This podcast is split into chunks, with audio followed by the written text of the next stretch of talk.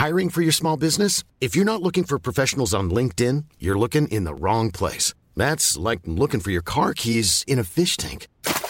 LinkedIn helps you hire professionals you can't find anywhere else, even those who aren't actively searching for a new job but might be open to the perfect role. In a given month, over 70% of LinkedIn users don't even visit other leading job sites. So start looking in the right place. With LinkedIn, you can hire professionals like a professional. Post your free job on linkedin.com slash people today. Everyone knows therapy is great for solving problems, but getting therapy has its own problems too, like finding the right therapist, fitting into their schedule, and of course, the cost. Well, BetterHelp can solve those problems. It's totally online and built around your schedule. It's surprisingly affordable too. Connect with a credentialed therapist by phone, video, or online chat, all from the comfort of your home. Visit betterhelp.com to learn more and save 10% on your first month. That's BetterHelp, H E L P. Burrow's furniture is built for the way you live. From ensuring easy assembly and disassembly to honoring highly requested new colors for their award-winning seating, they always have their customers in mind. Their modular seating is made out of durable materials to last and grow with you. And with Burrow, you always get fast, free shipping. Get up to 60% off during Burrow's Memorial Day sale at burrow.com slash ACAST. That's burrow.com slash ACAST. burrow.com slash ACAST. Var han bra eller? Han var bra. Ja. Absolut. Eh, jo men han eh, ändå, man tänker alltid att de här unga gra- grabbarna och tjejerna ska vara så blyga liksom. Ja. Men eh, ja, jag tyckte faktiskt han, eh, han med eftertanke och sådär. Ja. Så,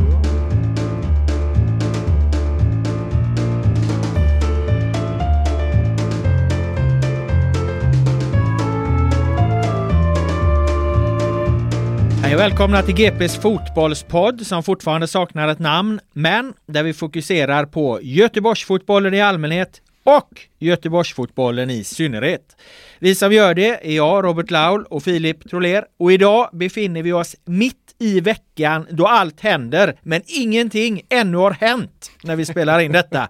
Skämt åsido Filip, vi ska prata guys, vi ska prata trotjänare, vi ska prata BK Häcken, FFs returmöte med PSG och vi ska prata om landslaget som ju ännu inte vunnit, vilket vi väl får hoppas att de gör mot Slovenien när detta avsnitt spelas in. Men det finns mycket att säga om förbundskapten Jan Andersson och landslaget ändå, eller hur?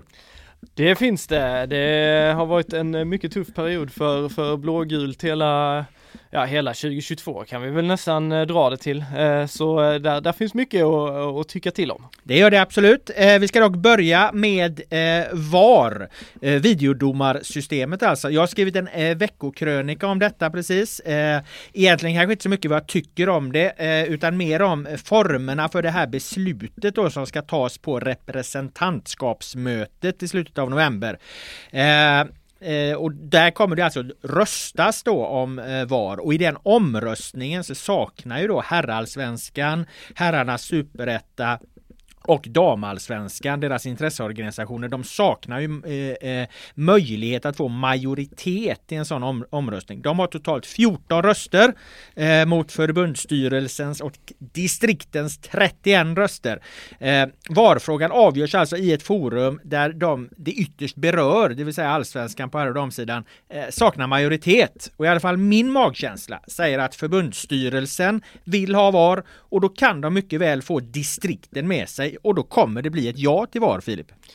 Eh, tragiskt om det skulle bli så. Eh, fy fan vad byråkratiskt det låter det här representant, vad heter det? representantskapsmötet. Ja exakt, alltså. det är ju det högsta Ja, demokratiska mötet ja, så, så ja, att ja. eh, på så sätt är det väl kanske inte jättekonstigt att det är att, att den här typen av frågor eh, hamnar där, för den här typen av frågor brukar hamna Mm. där, men, men eh, just, eh, just att, att de det ytterst be, berör, alltså då allsvenskan och eh, på dam och herrsidan, de har ju inte majoritet i den här Nej, frågan. nej, jag läste- sin egen fråga. Nej jag liksom. läste din krönika där och, och, eh, och jag kan ju bara eh, instämma i din oro där om man ska säga för jag är också orolig. Jag står ju på samma sida som du i, i, i den här VAR-frågan eh, och jag tycker det känns ju, det känns inte rättvist, det känns inte fair, det känns inte seriöst att att eh, de som blir ytterst liksom berörda av det, de som står närmast frågan, de får, egentligen har de ingen chans egentligen. Sen vet man ju inte vad förbunds, förbundsstyrelsen kan ju också,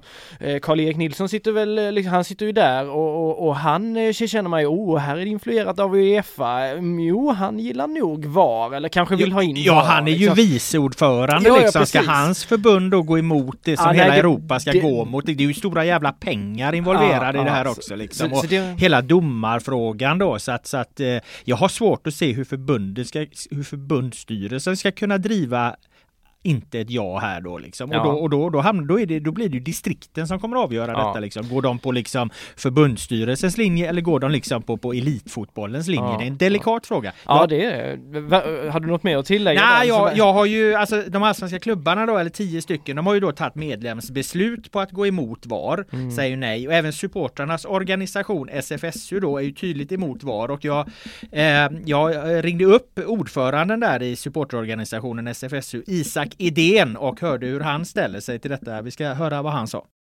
Eh, Men och eh, dess medlemmar är eh, emot införandet av eh, VAR i svensk fotboll. Och det är unisont. Det gäller egentligen alla våra medlemsföreningar.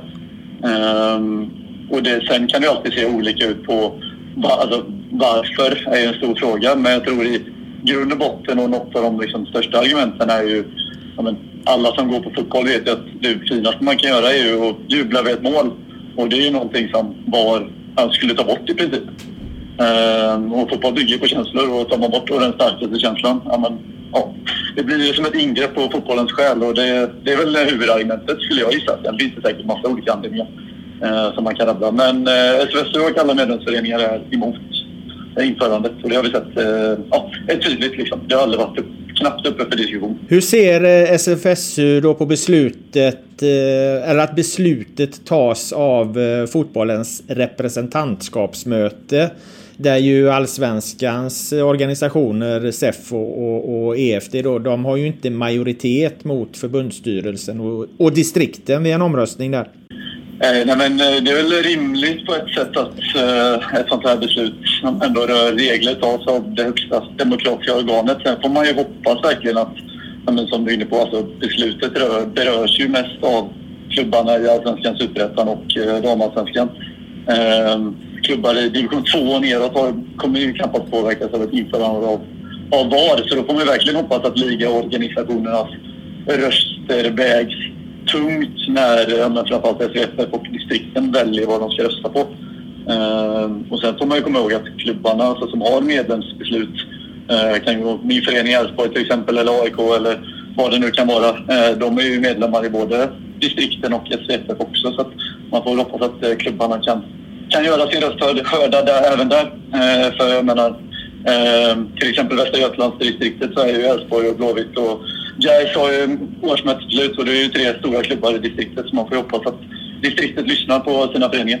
Hur skulle SFSU agera om representantskapet, eh, om det blir ett ja till VAR där? Det är ju väldigt svårt att eh, så här, gå ut med det på förhand men det är klart att det skulle bli protester av olika slag. Det såg vi redan i förra omgången i Allsvenskan när det var banderoller på i princip varenda, varenda läktare, eh, både hemma och borta, eh, mot införandet. Så att, eh, ja, det är ju en fråga som många brinner väldigt starkt för. Eh, så det är klart att det skulle bli, bli ett liv. Sen exakt hur det skulle utse sig, det, ja, det, den dagen, den sorgen höll jag på att säga. Men eh, förhoppningsvis så eh, hinner vi göra vår åsikt tydligt innan så att det här beslutet inte genomförs. Ja, det var Isak Idén det, eh, ordförande i supportrarnas organisation SFSU. Han pratar om eh, ett, liksom, ett ingrepp på fotbollens själ och att det kan bli ännu mer protester om, om allsvenskan nu körs över i den här representantskapet. Eh, Tror du det kommer bli livat kring frågan framåt november här Filip? Eller? Skojar du eller? Det, det kommer bli eh, otroligt, alltså framförallt eh, Ja men som man ser ju det, som man är inne på, man ser ju det med jämna mellanrum att det kommer, eh, kommer protester mot det, bara liksom eh, tydliga ställningstaganden från, från olika supportergrenar och, och klubbar och sådär. Men eh, det är klart att när den här kommer upp på tapeten och om det framförallt skulle barka åt att det blir VAR då kommer det ju ta hus i helvete och vi kan väl räkna med en eh, utbrytarliga kanske, att klubbarna går emot eh, hela alltet och så... Oj då, att allsvenskan drar sig ur eh, Svenska fotbollsförbundet helt. Ja, jag hoppas på något sånt i så fall. Nej, nej men jag tycker, jag är som sagt, jag är helt emot och jag håller med honom eh, 100% det här med fotbollens själ, alltså fotbollen grundar sig på, på känslor och impuls, liksom impulsen försvinner när, när, eh, när allting ska kontrolleras. Och sen är det klart att någonstans har vi väl alla lite ett ansvar också hur man då eh, behandlar domar och så vidare om vi vill ha kvar det här att eh, allting ska röra sig om, om bedömning och att vi inte ska styras av teknologin och att det ska bli så in, in i helsikes fyrkantigt då. Eh, men där är det också tonläget mot domare ofta eh, på, eh, på en eh, nivå som inte är okej okay, liksom. Mm. Så där är det väl ett individansvar också om vi, om vi värnar om att behålla det vi, vi har så att säga. Ja, där måste man ju faktiskt flika in att, att ska man tala om känslor i, i ena läget så att VAR riskerar att, att, att, att ta bort dem då, då får man ju också liksom ta ansvar för sina egna känslor även när ja. domsluten går emot. Så liksom inte det, det, det, det, jag tycker att de senaste åren har varit alldeles för hetsk stämning kring domslut, alldeles för mycket fokus på det. Nu tycker jag vi på GP håller väl en bra nivå i rapporteringen men med många andra tidningar, liksom min gamla arbetsplats bland annat, hade jag en ständig diskussion om att alltså, alltså vi gör domarartiklar varenda jävla omgång liksom. Mm, alltså, är det mm. verkligen rimligt att vi media ska driva på den här frågan? Och ofta så, så varken liksom hinner, kan eller vill domarna heller uttala sig liksom. Och det, det, kan vara skitsaker ibland i matcherna liksom. Visst, det är stora principiella jätteavgörande grejer i sista omgången och så. Då, då får man väl liksom förstå att det kan bli fokus på det men inte var, varje jäkla omgång. Det, det, det, det, det, det driver ju på liksom VAR. Ja absolut, för domarna känner ju, de hamnar ju i skottgluggen där liksom. Mm. Sen klart att man ska kunna förvänta sig en viss standard på domar och jag förstår att man i stundens hetta kanske eh, uttrycker sig på ett sätt som man inte hade gjort om det inte är så mycket känslor i kroppen, exempelvis när du har förlorat en match på en feldömd straff eller vad det är. Men eh, och, och där som sagt, det inkluderar i allra högsta grad oss själva att vi har ett ansvar också för att som du säger, det, det är lätt att man, eh, man går i den, eh, alltså den promenaden att eh, ja men då tar vi, tar vi domarvinkeln här och blåser upp det, blåser upp det stort. Sen som du säger, jag tycker väl ändå vi har en hyfsad balans, men det är klart att vi har, har gjort några sådana för mycket också. Så det handlar om att alla måste ta ansvar, men jag hoppas att i slutändan att de här tungviktarna, de som sitter på, på bestämmandet, att de tar sitt förnuft till fånga. Och det ska bli väldigt intressant också i förbundsstyrelsen, om jag inte har fel för mig, så sitter exempelvis Degerfors klubbchef där, Susanne Hellström, sitter väl med där och Degerfors har ett principbeslut på att de är mot VAR eh, och eh, samtidigt ska hon då, Karl-Erik Nilsson, sitta där och kanske lobba för VAR. Det, det kan bli en intressant eh, situation. För ja, det blir värre än regeringsbildningen där och få ihop alla, alla intressen här alltså. Ja, Nej, som sagt, utifrån mitt perspektiv så är det intressant med en sån här glödhet fråga. Sen så håller jag ju helt med dig där att jag, jag, jag har ju sedan dag ett egentligen tagit, också tagit ställning emot VAR. Det kanske mm. man inte ska göra som, som journalist, men jag tycker den här idén med, med ett videodomarsystem i en bedömningssport med alla liksom sammanlänkande aktioner. Det, det, det, är sånt jäkla feltänk. Alltså, ja. Mållinjeteknologi, absolut, men då mäter du, då är det ju mått det ja, handlar om. Ja, liksom. alltså, Det är en helt annan sak. Ja. ja, för annars, du sitter det är alltid någon som i slutändan ska bedöma ändå. Vi ser ju hur många gånger som helst i Champions League, Premier League, där vi, där vi får domslut som det ändå blir massa liv runt för att det är någon som bedömer det på olika, alltså nej. Så bara lägg ner det. Bra slutord där. Eh, lämnar VAR, går över till Geis som har vunnit igen. Befäster serieledningen. Eh, bjöd på ett klassiskt tifo som hyllade veteranen Kenneth Gustafsson.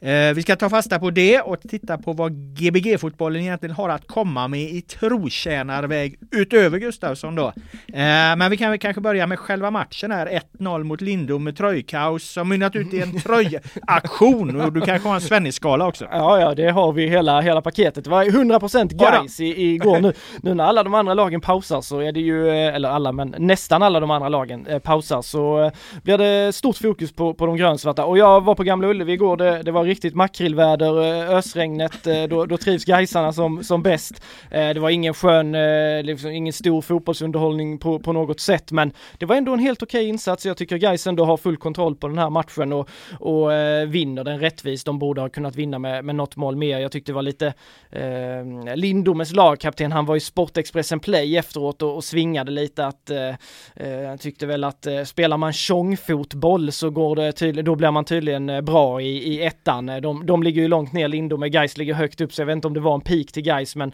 jag, jag tyckte den var lite elak för jag tycker Geis har spelat ganska bra fotboll stora delar av den här säsongen.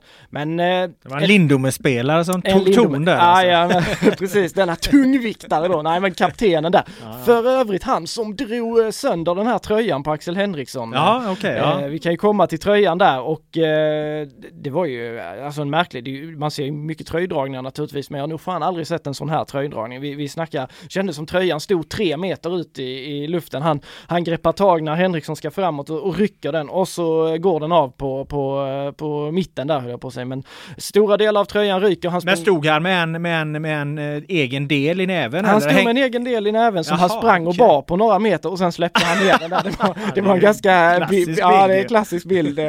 Det var, och Henriksson han slog ut, ja, vad, vad, vad fan är detta? Han sa det efteråt också bara, ja men herregud han ville ta med sig min tröja hem liksom, vad håller han på med?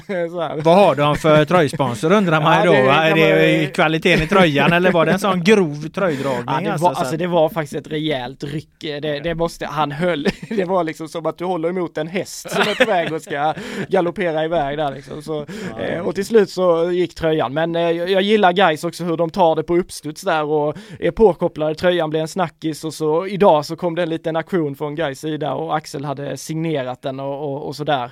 Eh, Vilken del är det de auktionerar ut? Ja, det, det den, fan, jag vet inte om de har satt ihop det på något sätt där kanske, men jag gissar att det är den kvar, kvarstående delen ändå, tänker jag. För han gjorde ju faktiskt mål i den här tröjan, det såg roligt ut också. Jaha, han sprang, sprang, runt där med, med ryggen bar liksom för... och så, Vadå, han bytte till tröja? Han, det var ju ett totalt tröjkaos där så att säga. Han, han kliver av, eh, när tröjan går sönder kliver han av, står där och ska byta tröja. Man tänker här kommer en ny tröja på. Kommer han in med ny tröja, eh, då har han ett annat nummer på sig. Ja, det får man inte. Det får man inte. Enligt reglerna har jag för mig. Nej, det, det, det stämmer. Och, eh, och dessutom så satte spelet igång medan han bytte tröja och det gillade han inte alls för domaren hade lovat honom byt du tröja i lugn och ro, jag håller spelet här. Byter han tröja, kommer in med fel nummer. Eh, detta ser assisterande tränare Kenneth Gustafsson eh, uppmärksamma detta. Axel för helvete kom av här för jag, tror att man kan få en varning för det där. Ja. Eh, och, och, då går han av och han ser vilsen ut, Axel, och domaren är där och pekar och Lindome spelar är framme och vill ha det gula kortet och det är stökigt som fan. Axel av med tröjan igen, på med den här lilla korta tröjan och så in och lira och gör mål. Ja. Tänk, tänk, bara här om VAR skulle in och bedöma alla de här liksom sekvenserna. Fan, liksom. Jag hade suttit kvar på Gamla Ullevi fortfarande då tänker jag. Eh, nej men så det var, det var roligt och, och, och sen eh, kommer han ut i andra halvlek då tänker man då har han en ny tröja nummer 21 som Axel har då. Men då lirar han i nummer 27 och då hade han tydligen fått grönt ljus för att göra det. Man fick inte byta nummer under pågående spel. Så sa Axel till mig att det var den informationen han hade fått. Jag har inte dubbelkollat detta men han fick lira i 27an i, i, i andra halvlek i alla fall. Men eh, det där verkade ha triggat honom för han var, han var överallt och mm. buffla och stöka och satsa och eh, elda på supportrarna och skällde på domarna. Han var eh, dundertaggad. Ah, tar han sig in på Svennisskalan eller? Det gör han så in i helvete. ja, Nej men han, eh, han var, eh, vi, vi, ska, vi, vi, ja, vi ska ju hålla på honom här egentligen. Han var, han var i toppen så att okay. Ja, jag kan, kan ju upprepa kriterierna här så ja, länge medan du, du samlar det där. eh, Svennisskalan då där vi tar ut tre spelare enligt bra, mycket bra och mycket, mycket bra som eh, Svennis eh, eh, brukar säga när han kommenterar VM 94. Ja precis och eh, bra då. Det var, eh, de gjorde en solid försvarsinsats. Lindom hade egentligen ingenting. Eh, så jag tar Emin, Emin Grostanic där. Han eh, var bra. Eh, gjorde en stabil insats, tog undan flera bollar sådär som damp ner i straffområdet det kunde ha blivit farligt när Lindom hade lite tryck och sådär.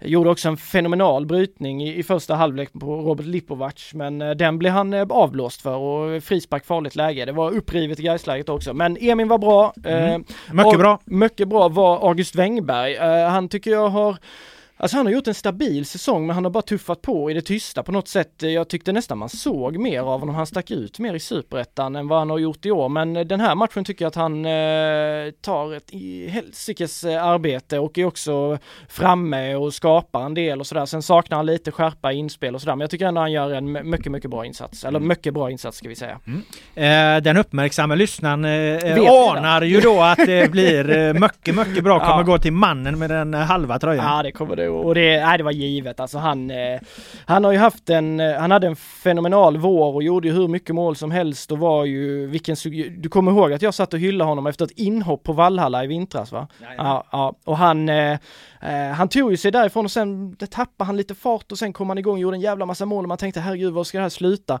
Och sen fick han ju då en tråkig höftskada som höll honom borta egentligen hela sommaren och sen har han då varvat igång lite här, har väl sett lite sisådär ut men eh, i den här matchen så lyfte han sig och det kändes som att han gick eh, otroligt mycket på bara ren jävla vilja och attityd och målet han gör är också, han går liksom in i duell med Robin Glavac och David Olsson, både målvakt och försvar i Lindom och, och kommer segrande ur det och kan trycka in eh, bollen i nät. Så eh, den typen av attityd som Axel har, eh, det är den typen av attityd som gör att ett lag eh, tar sig eh, upp till superettan igen. Det tror jag i alla fall, för eh, det är så viktigt. Han får med sig alla de andra verkligen också. Så eh, han är återigen på gång, Axel. Mm.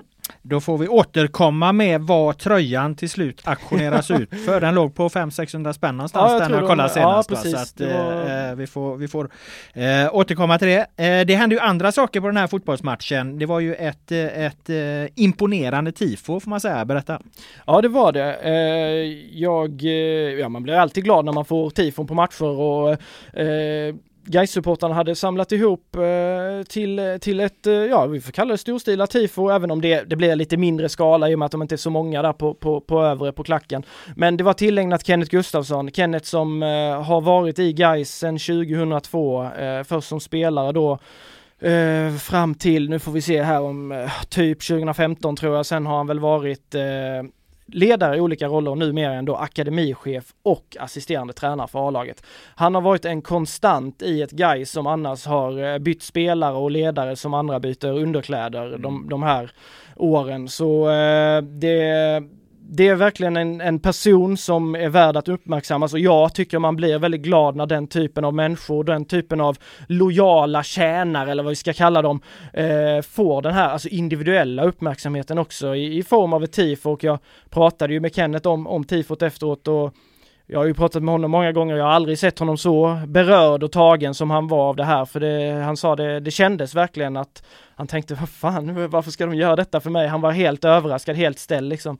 Eh, så eh, det var väldigt fin, eh, fin stund och eh, fint eh, utgjort av gais supportrarna mm. Om, man, om man utgår från honom och sätter honom i något slags Göteborgsperspektiv då, eh, hur högt upp på en lista hamnar han bland liksom om man tar med de andra klubbarnas eh, trotjänare också?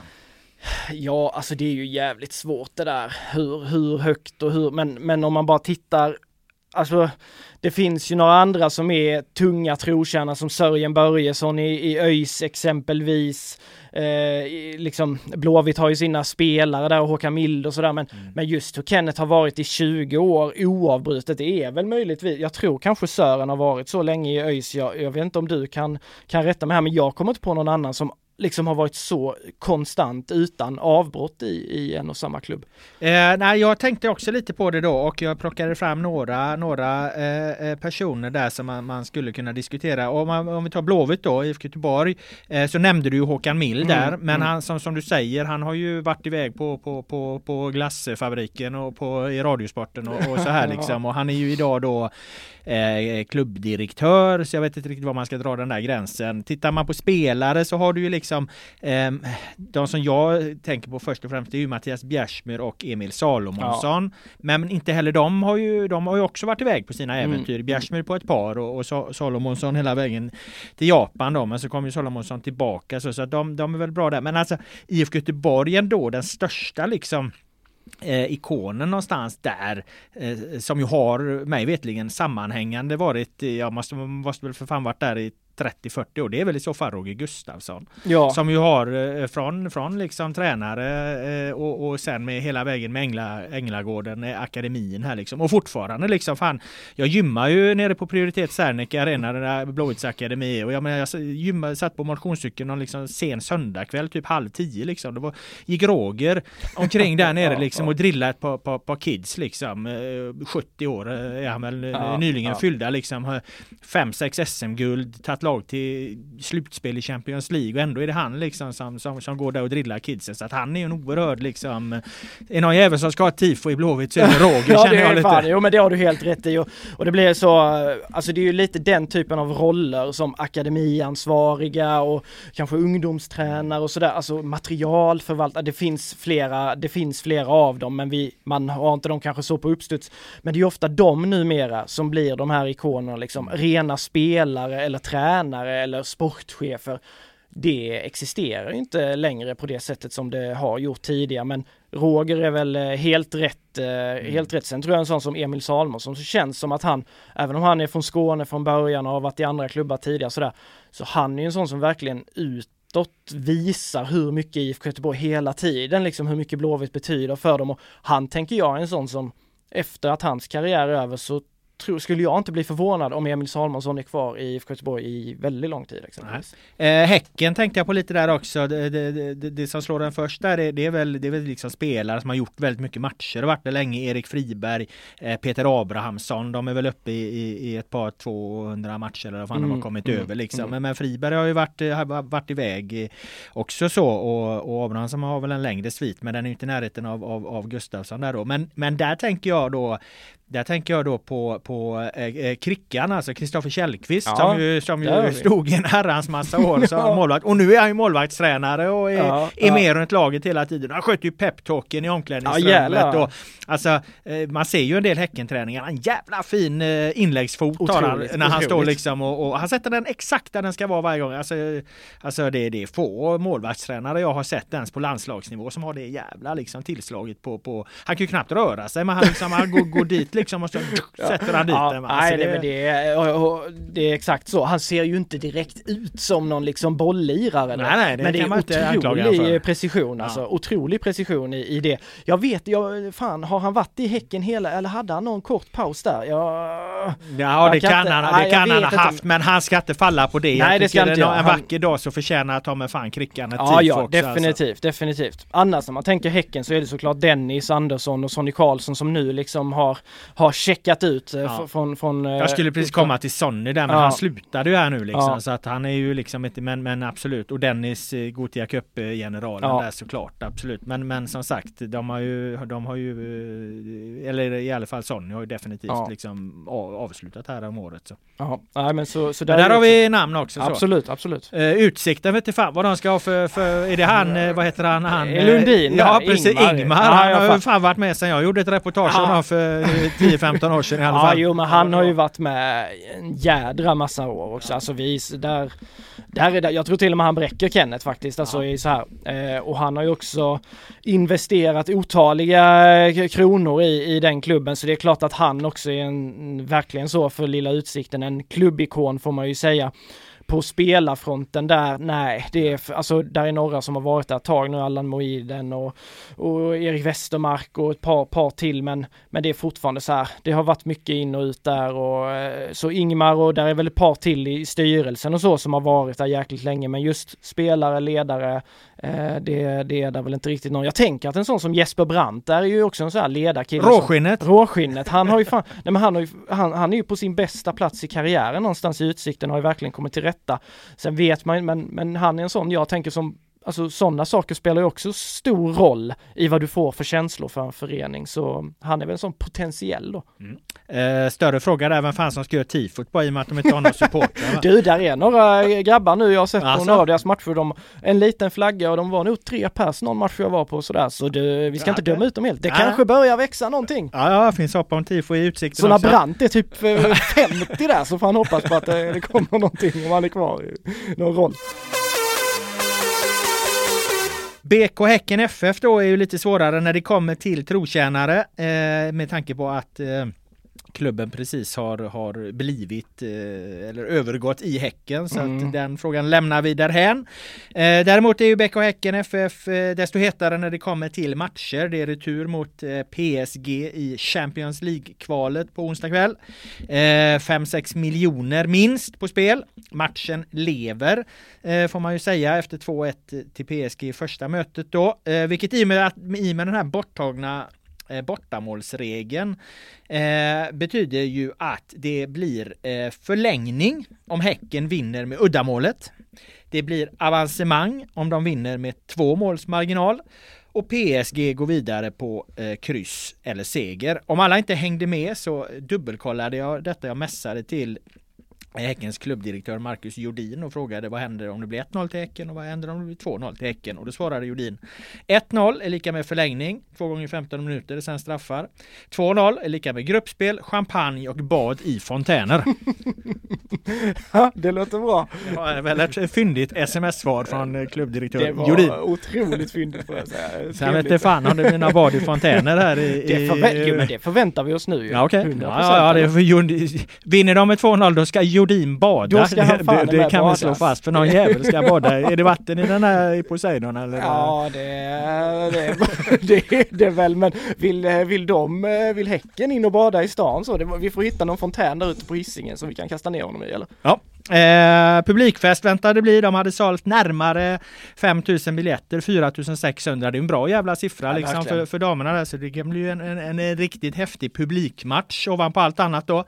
Ehm, Sen är det väl frågan då vad vi tror liksom, vad har de för chanser egentligen här Häcken? Alltså jag tycker att de gjorde en på många sätt bra match borta. Alltså båda målen de släpper in är ju, är ju nickmål. Alltså det är ju en hörna och ett, ett inlägg i slutet. Eh, eh, det är klart, de räknas ju också, men då, då vet man ju i alla fall, de kan i alla fall ta med sig från den här, här bortamatchen att de, de, de släppte inte till så mycket farliga chanser ändå på andra sätt än just det. Och jag tycker att eh, Elma Juntila Nelhage som jag ju har pratat mycket om i den här, här eh, podden, alltså när hon nu ställdes mot, mot eh, världsspelare så, så var hon otroligt stabil för att möta spelare på den nivån. Och hon, liksom, hon ser ju inte så snabb ut, men det är hon också. Hon är både stor och snabb och hon hängde med de här fransyskorna. Alltså, så att, så att eh, otrolig potential på, på Juntilan Elhage tycker jag hon visar i, i, i det här första mötet. Ja, vilket, eh, alltså vilket kvitto ändå att få, alltså för Häckens del. Eh, det är en spelare naturligtvis som man tror mycket på och som du säger besitter talangen. Eh, och den typen av spelare är också ofta jäkligt intressanta. De som har den där snabbheten trots att de är stora, för de ser liksom lite otympligt ut sådär, men har du den snabbheten och den storleken och ändå fin med bollen vid, vid fötterna liksom. Då har du alla möjligheter att nå hur, hur långt som helst egentligen. Ja, jag, tror, jag tror hon kommer bli en, eh, jag ska inte säga världsback, men i alla fall en svensk landslagsback Ja. eh, utan några som helst eh, tvekan på det. Eh, men vad tror du då om, om, om matchen där? Alltså, eh, Å ena sidan en bra insats av Häcken som var inne på, men samtidigt så, så alltså, de var totalt utspelade, eller totalt tillbakatryckta i 20 minuter innan de lyckades liksom få PSG i rytmen och då vart det en jämnare match. Så att, att, alltså att, att, att grundförutsättningarna är att det är en otroligt, eller att det är en stor kvalitetsskillnad på de här lagen. Det är liksom, det är ju grundförutsättningarna. Frågan är ju hur mycket PSG kan dippa på att de nu spelar bort borta, på att Häcken, att de liksom Häcken har hemmastöd och hur mycket Häcken då kan liksom lyfta av att de ändå, de ändå har ett resultat att spela på. De, de, de, det kommer mycket folk och så det är någonstans det det handlar om. Hur mycket, liksom, hur mycket kan de äta upp av det här grundläggande försprånget som PSG har? Mm, ja, det är ju en, det är en väldigt svår fråga, men jag, jag tycker eh, alltså insatsen där nere, den, den, den ingjuter ju verkligen hoppen då. Alltså så klyschigt så, bollen är rund och de har gett sig förutsättningar att i alla fall vara med och ha en riktigt god, alltså god chans, även om oddsen naturligtvis är eh, otroligt mycket mer åt PSGs håll. Alltså det är bara att titta på vilka, vilka spelare de sitter på eh, PSG. Eh, men eh, alltså Häcken, eh, det handlar bara om att tro på det och där finns många spelare som har varit på hög nivå, alltså sådana som Kurmark och, och Rubensson, Hammarlund och, och hela gänget. Eh, så eh, varför ska de, de ska ju inte vara nedslagna på förhand här och jag tror att eh, hemmaplan är viktigt där, är de trygga? Det ska man inte under, underskatta den, den betydelsen. Så eh, Sen är det klart att PSG som sagt favoriter men Häcken har, häcken har möjligheten definitivt. Eh, jag skrev ju om den här matchen eh, redan efter första, eh, eh, första mötet där och då, då slog jag ju fast liksom att okej nu är de trots allt, om vi ska bli lite kritiska också, de är ju ändå 90 minuter från ett trippelfiasko här nu den här, den här satsningen. Ja. Alltså de har förlorat cupfinalen mot Rosengård. De är för långt efter Rosengård för att, eh, för att ta förbi dem på de sista omgångarna. Det tror jag man kan slå fast och då blir det inget, inget ligaguld heller. Då är de tvåa igen om de nu ens blir det.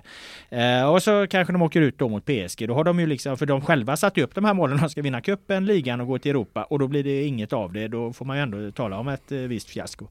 Ja, det, det är jag väl benägen att hålla med om. Sen tycker jag alltid man ska ha beakta liksom omständigheterna och sådär och att man inte lyckas bättre i allsvenskan hittills, det är ett fiasko. En cupfinal mot Rosengård, mm, de är ändå i finalen. Jag kan någonstans köpa att det det är gott nog liksom. Även om man ska vinna den så, så är det ändå, visar ändå på att de har gjort det bra. Och att åka ut mot PSG i ett Champions League-kval, det är inget att skämmas över. Men eh, summa summarum blir det ju naturligtvis eh, ett betyg som inte kan vara något annat än, än underkänt när man failar på alla tre. Skarpt läge är det ju för förbundskapten Janne Andersson vars landslag har ju ramlat ner i en väldigt lång formsvacka som vi berörde inledningsvis. Dessutom så känner i alla fall inte jag igen det svenska landslaget längre. Eh, jag är så van vid att att eh, även om det har gått dåligt ibland så har man liksom alltid haft någon form av grundstabilitet i, i defensiven. Det, det ska sitta i ryggmärgen på ett svenskt landslag. Det ska kunna kritiseras för att det inte är någon sprudlande offensiv fotboll. Men med så dåligt försvarsspel som det exempelvis var mot eh, Serbien här, mm, match med Sverige förlorade med 4-1, det var närmare 5-1 än, än, än 4-2. Eh, det, det, det, är väldigt olikt och det är väldigt långt ifrån eh, det svenska fotbollslandslagets identitet. Eh, nu när vi sitter här idag så vet ju vi ännu inte hur det går mot Slovenien ikväll. Om Sverige misslyckas med att vinna den matchen då ramlar man ju ner i den här seg. Du är för fan sämre än, än Färöarna i färöisk nivå. Eh, C-divisionen där och, och, och då, då undrar man ju lite här. Var står du till exempel Filip? Är det, är det liksom Janne Andersson som är problemet, förbundskaptenen? Eller är problemet att Sverige har för dåliga spelare? Um, det är väl eh, snarare så, tycker jag, att vi, jag vill inte kalla dem för dåliga spelare, men vi har för många spelare som så många redan har varit inne på, inte är i form, inte spelar ute i sina klubblag, inte kontinuerligt får liksom möjlighet att prestera en bra fotboll. Då ska de komma till ett landslag som vi ändå får säga är eh, lite mitt inne i en generationsväxling med så pass många spelare som Sebastian Larsson, Marcus Danielsson, Marcus Berg. Eh, det är flera som har försvunnit de senaste, Gustav Svensson, Ola Toivonen och så vidare och så vidare. Eh, och nu är vi någonstans i början på det nya, eh, när, när spelarna då inte får spela och det ska sättas ihop det gamla med det nya och så har Janne kört lite, testat lite, mixtra lite med formation och sådär. Då blir liksom summan av det hela inte tillräckligt bra. Sen är det klart att Janne Andersson har ett stort ansvar. Det är han som liksom ska sätta grunderna, det är han som ska sätta taktiken. Och när det kommer till det här 4-3-3 projektet så kan vi ju inte säga att det blir på i och för sig väldigt kort tid så man kanske ska utvärdera det så men det blir inte bra. Och det känns som att det snarare har rört till det i huvudet på spelarna än att att det har liksom givit några nya infallsvinklar eller liknande. Mm. Så han har ett ansvar, men den stora problematiken tycker jag är att att eh, det är för många spelare som inte spelar och att lite kvalitet på vissa positioner saknar vi ju helt klart. Alltså mitt, alltså försvaret som vanligtvis är den svenska, liksom vår identitet, att vi ska kunna försvara oss. Det, där är ju spelare, där är ju namn som inte riktigt eh, är på nivå vad vi har haft historiskt. Det måste man ju ändå vara ärlig och säga. Mm. Um, jag tänker bara så att, att um för, för, att diskussionen finns ju här nu. Man hör liksom att det börjar talas om talangutvecklingen som är fel på i Sverige och bla bla bla. Men alltså vad fan tittar man på det här laget? Jag menar, det här är ändå ett landslag som, som, eh, som eh, de senaste det senaste året, det här dåliga året, alltså vi har ändå kunnat ställa upp liksom ett anfall med, med i teorin då Dejan Kulusevski som lirar i Tottenham, Alexander Isak som lirar i Newcastle och Antonio Elanga som lirar i, i Manchester United. De tre finns ju att tillgå samtidigt och de tillhör de här klubbarna. Alltså det där är historiskt sett inga dåliga klubbar som de här liksom representerar. Eh, sen är Elanga kanske inte riktigt mogen, men byt ut honom då mot mot Claesson eller Forsberg som inte spelar i, i, i, riktigt samma dignitet på klubbnamnen men ändå liksom levererar på en hög nivå så har vi ju liksom en anfallskraft som du borde kunna sätta en stabil liksom organisation, ett starkt kollektiv bakom och, och, och få ut någonting både offensivt och, och, och, defensivt. Jag tycker det är konstigt att, att, att börja prata om då att äh, men det är för dåliga spelare. Vad fan, jag har sett det här svenska landslaget åka ner och göra eh, möta, vinna mot typ Serbien-nivå med Mattias Jonsson och Marcus Albeck på topp alltså. Jag menar båda typ i FC Köpenhamn eller någon i Djurgården eller vad fan det var. Alltså, mot, samtidigt som man då hade liksom ett ruggigt starkt kollektiv och så har man två liksom halvfigurer på topp. Eh, så att det går inte att prata om att spelarmaterialet är för dåligt tycker jag. Utan alltså här är, jag är, oavsett hur det nu går, man åker ner i CV-divisionen eller inte, så tycker jag att här måste, här måste vi faktiskt ha, vi ha en debatt kring Janne, kring förbundskapten. Får han ut max av det här laget? Jag menar, det är ett perfekt läge att byta nu. Det är ett, Sverige är inte med i Qatar, vinter-VM i Qatar. Det är ett halvår kvar till eh, EM-kvalet börjar i mars. Bättre läge att byta förbundskapten, det får du inte. Och då är frågan, ska man göra det? Eh, det är det debatten måste handla om. Så är det såklart. Sen tycker jag väl att man ändå får eh, de upplagorna där du nämner. Vi har ju i moderna tid också Sverige har vunnit över Frankrike på Friends och, och, och så vidare. Ja med Toivonen och Berg på topp och det var fan lirade Australien ja. Toivonen eller vad fan det var. ja precis. Så, men då har vi ju haft Alltså vi har ju haft stabiliteten där bak i de bakre leden. Vi har ju haft konstant där samspelt lag. Det har vi inte nu och då tror jag hela det svenska liksom rubbas där i, och Janne är ju mycket av det. Han har ju byggt sitt lag på ett starkt kollektiv som byggs bakifrån och nu så står vi helt plötsligt med istället väldigt många duktiga offensiva spelare men där de bakre leden där det är väldigt labilt och sen har det ju också varit många spelare där som har tagit avsked landslaget, många som har varit skadade, liksom Edvin Kurtulus, Hjalmar Ekdal var inne för någon samling sen, Isak Hien kastas in här, startar mot Serbien. Alltså det är ju lovande spelare men det är ju inte färdiga spelare och jag, jag tycker i alla fall inte att man blir förvånad över att det läcker och att det ser så svajigt ut bakåt då. Men är så... det Janne som nu då, för att du är inne på att det, det på något sätt så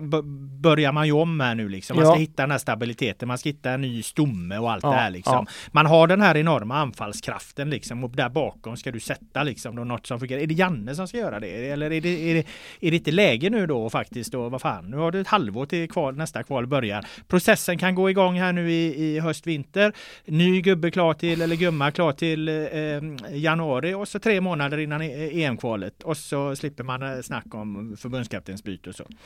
Jag håller med dig om att tajmingen, om vi ska göra en förändring på förbundskaptensposten så är det en bra tajming nu. nu. Absolut, ja. det, det håller jag med Sen är jag inte lika säker på att jag kanske är redo att döma ut Janne. Det här året har varit bedrövligt. Vad har vi? Vad är det? Nio, nio matcher och sju förluster eller någonting. Det är inte likt Sverige att vara så enkla att besegra och det är inte likt Janne Anderssons lag att vara så enkla att besegra. Och det indikerar kanske då att han håller på att tappa det liksom. Men det har ju också varit stökiga omständigheter och man får ju ändå slå ut över tid. Han har varit i ett VM och kommit till kvartsfinal. Han har varit i ett EM där vi, ja, vi åker ut snöpligt mot Ukraina men vinner gruppen. Och nu så har det varit ett missat mästerskap här. Eh, jag tycker väl kanske egentligen att han, han förtjänar ett mästerskap till för att liksom eh, han, han, har ändå gjort det så pass bra eh, tidigare så att, eh, men det är klart, är det, är det någon gång så är det nu som gäller för det, det har ju svajat och eh, tajmingen går inte att bli så mycket bättre. Men vad tycker du? Ja, jag du, hörde ju precis ja, ja. ett eh, långt eh, brandtal här för ja. att jag tycker att det är, är en god timing. Jag tycker att det finns... Ja, du tycker han ska bort? Jag tycker, ja, men att det är en god timing. Jag tycker att det finns alternativ. Eh, jag tycker att ska man byta så ska man absolut göra det nu liksom. Det, man ska absolut inte, man ska absolut inte fundera på något annat än att bestämma sig för att antingen så tar man bort honom nu eller så måste man ge honom hela, eh, hela EM-kvalet och, och, och, och, ett eventuellt EM då. Alltså mm. det går liksom inte och nu, ja men han får våren på sig och se hur det går i EM-kvalet. Utan nej. här måste man bestämma sig liksom. Och eh, jag tycker, alltså om, om sätter du en pistol mot mitt huvud och, och måste, eh, eh, måste eh, välja, då, då tycker jag nog att man gör en förändring här. Mm. Det tycker jag. Mm. Eh, för att jag tycker att läget är, är, är så pass bra. Eh, alternativ två, det, det, det är att okej okay, då, då, får man gå, då får Sjöstrand, då får de köra på honom hela EM-kvalet. För att de kan inte komma och säga att de inte var förvarnade ifall det går dåligt nu i, i, i, i, vår här också i EM-kvalet. Vem ska ta över då? Eh, skriver en krönika om det till eh, eh, imorgon och där, där har jag faktiskt en hel del eh, i tankar. Eh, Fred Ljungberg är ett namn som jag har uppe. Eh, Vad har han bevisat som tränare? Jag har Tobias Linderoth, ett namn som är uppe. Eh, min gamla anekdot om, om eh, när Lagerbäck fick frågan från hela den här framgångsrika 00-generationen där. Vem var den bästa? Vem trodde han skulle bli den bästa tränaren? Var det Henke eller var det Zlatan eller var det Anders Svensson, Mellberg, Ljungberg? Nej, nej, nej. Lagerbäck svarade utan minsta darr på rösten. Tobias Linderoth kommer bli den absolut bästa tränaren i hela den här. Går jättebra på naturligtvis jättelåg nivå, men tillsammans med någon, någon mer rutinerad, kanske Wettergren är kvar och, och kör antingen med, då, med, med Ljungberg eller med Linderoth. Du har eh, Kim Bergstrand, eh, Thomas Lagerlöf, mm. övertygad om att de har gjort ett jättebra jobb i landslaget. Enda problemet där är kan man släppa in liksom Kim Bergstrand i så möblerade rum jag på att säga. Men, men alltså funkar han liksom som, som förbundskapten med det trycket och, och representera och allt där? Jag vet inte. Ah, men de, de rent sportsligt fotbollsmässigt, eh, eh, jag är, är, alltså, mitt förtroende för de två som fotbollsmänniskor oerhört högt. Sen har jag ett drömnamn, ett, ett som hade varit hur bra som helst. Tyvärr är det omöjligt för Chelsea han före, men det är klart ja. att, att Graham Potter hade varit fantastisk att få in i svenska landslaget. Så det, det, nu spånar jag bara snabbt. Det är klart ja. att sätter sig Håkan Sjöstrand, då tar han fram fem bra kandidater till. Så är det ju. Jag tycker väl eh, Kim och Tolle där, rent fotbollskunskapsmässigt så tror jag absolut att de hade, men jag, jag är lite också, nej det kommer inte gå med, med Bergstrand där, det, det, det tror jag. Alltså det, nej men bara titta Janne, alltså som ändå är en otroligt trevlig, charmig, härlig person liksom. Han man märker ju på honom nu också, lite vresig, hugger lite, eh, alltså lite som Erik Hamrén blev också under sin, han var ju så jävla eh, glad och positiv och trevlig där i början och, och då gick det ju också bra. Och Janne var lite likadant och sen började dala och så kommer, och jag tycker att det känns ju som att det är symptom på att du är pressad liksom, eller, eller signal, signalerar att du är pressad och det är ju inte bra om, om det är, är så. Men jag vet inte fan om jag gick helt igång annars på någon av dina Ljungberg, ja, men då kom... Linderoth, han är Skövde Robban, han kan inte gå in i landslaget. Men det sa man om eh, Söderberg och Lagerbäck, han hade ju för fan inte gjort något annat än att liksom läst en perm när han eh, tog över där liksom. Så eh, men, eh, men då kan man ju ta in det här då, ja men okej det kanske är dags för ett utländskt då. Vi har Hareide tillbaka här nu, han vet vi vad han är, han har nivån, eller han har liksom erfarenheter från andra landslag, gjort bra med Malmö Champions League och otroligt rutinerad. Du har Per-Mattias Högmo i Häcken också, ett oerhört rutinerat namn och då, då nämner jag bara två eh, utländska tränarnamn då liksom. Sen har du en lång jävla rad till som det är svårt att veta vilka som kan vara tillgängliga och, och, och så här. Men återigen, där har du Sjöstrands eh, uppgift. Så jag tror inte att det råder någon brist på att hitta en bra, ett bra alternativ liksom. Mm. Ifall, ifall man nu bestämmer sig. Sätter igång den pressen, byter förbundskapten i januari, siktar på EM-kvalet eh, i mars 2023. Andreas Brännström kanske? Ja, det vet jag fan. Nej, men han har väl, han om någon har väl lyckats göra resultat under lång tid med små medel eller? Ja, men är han, är han, är han landslagskompatibel? Nej, det kanske inte, alltså, nej, det, det, det, det, kanske är för litet namn och att han, ja, kan inte klä på men, största och, scenen. Ja, men jag ska, jag, alltså som sagt, jag har, blivit, jag, jag har sett liksom Tommy Söderberg var helt otippat att ta över det där. Jag har sett Lagerbäck var helt otippat. Janne Andersson, vem fan trodde att han skulle nej, bli förbundskapten? Vad fan, han hade liksom eh, gormat på, på ljusskyltar när domarna la till för lite tid och smält i gallergrindar i Norrköping. Och visst, han vunnit ett SM-guld, men alltså det var väl ingen som såg honom som en förbundskapten nej, då, nej. Eh, 2016 liksom.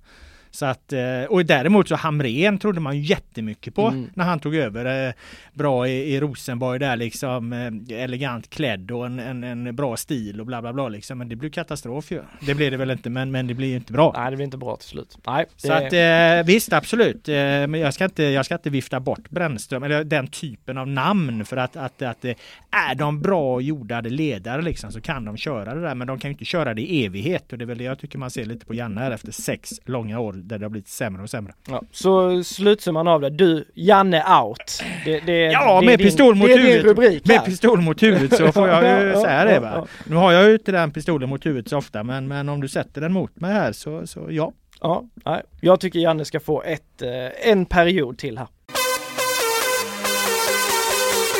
Det väntar ju en häftig helg i Allsvenskan också där guldstriden drar igång igen. Eh, Djurgården möter Degerfors borta. BK Häcken har Varbergs Boys borta. Sen möts ju de här lagen på Tele2 i Stockholm i omgången efteråt. Men nu på söndag eh, är det ju först och främst då för Häcken eh, Varberg som sagt på bortaplan. Fyra spelare avstängda. Samuel Gustafsson, Alexander Jeremejeff, Mikkel Rygård, Valger Fridriksson och nu också Tobias Sana då olyckligt eh, för Häcken eh, långtidsskadad.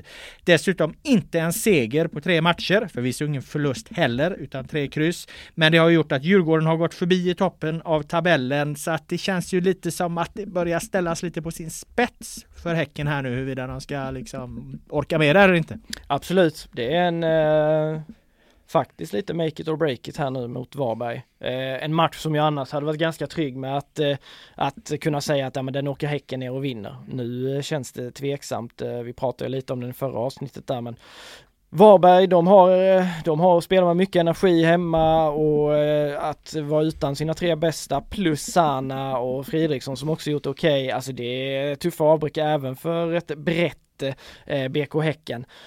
Um, och det, samtidigt, jag är inte helt säker på att Djurgården bara åker och klär, liksom städar av Degerfors heller. De kämpar för sitt liv så det känns väl lite som att den här guldstriden ändå fall det Häcken och Djurgården gör det bra och Hammarby har gjort det bra tidigare så ingen har riktigt Eh, liksom lyckas sätta in den där sista stöten att dra igång eh, den här eh, superformen eller vad man ska säga. Nej men det är väl lite så och man, man kan ju se det då liksom det, det, det, det för Häckens sämsta scenariot här då det är ju givetvis liksom att, att, att de förlorar mot Varberg samtidigt som Djurgården vinner mot Degerfors. Då är de fyra poäng efter Djurgården och sen ska de mötas på Tele2 och så vinner Djurgården den matchen också obesegrade på Tele2. Ja då är ju guldstriden över för Häckens del då de sju poäng bakom med, med, med bara några få matcher. Eh, kvar. Men eh, när man håller på att fundera i de där termerna, det brukar aldrig bli så. Nej, liksom. så det är, det. aldrig något jävla lag som rycker någonstans. Liksom, utan de, de, de, liksom, det gungar upp och Ja, ner och de, de, de, de liksom, någon tar poäng här och där liksom, och så är det ganska jämnt hela vägen. Ja, det brukar ja, vara så. Liksom. Så att, eh, Det är väl Malmö som har lyckats några av de Ja det har de absolut liksom. gjort. Men, men, eh, men, men inte ens Malmö gjorde ju det i fjol. De höll ju Nej, på, fan ju- på att tappa till AIK i sista matchen. Liksom.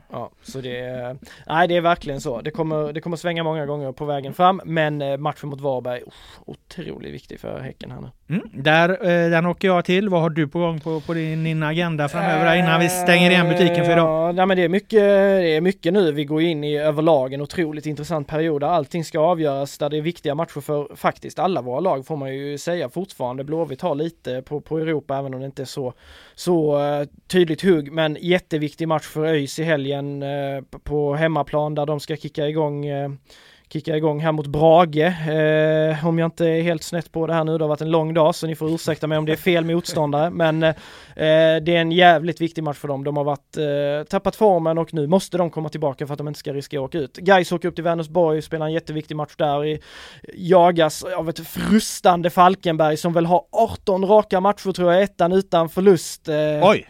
Eh, Gais eh, leder fortfarande med 6 poängs marginal om tre omgångar, två omgångar så, eh, ja det ska spelas två matcher, sen är det dags för dem att mötas på Gamla Ullevi så det blir också en höjdpunkt. Gais har faktiskt bara en förlust på de 18 senaste så det är två ruggigt formstarka lag. Eh, så fortsätter följa deras resa där och sen ska Utsp- Utsikten också spela en jätteviktig match mot eh, Västerås, eh, detta Utsikten som har rasat ihop som ett korthus under, eh, under eh, sommaren och eh, tidig höst. Så eh, superintressant på, på alla håll och kanter.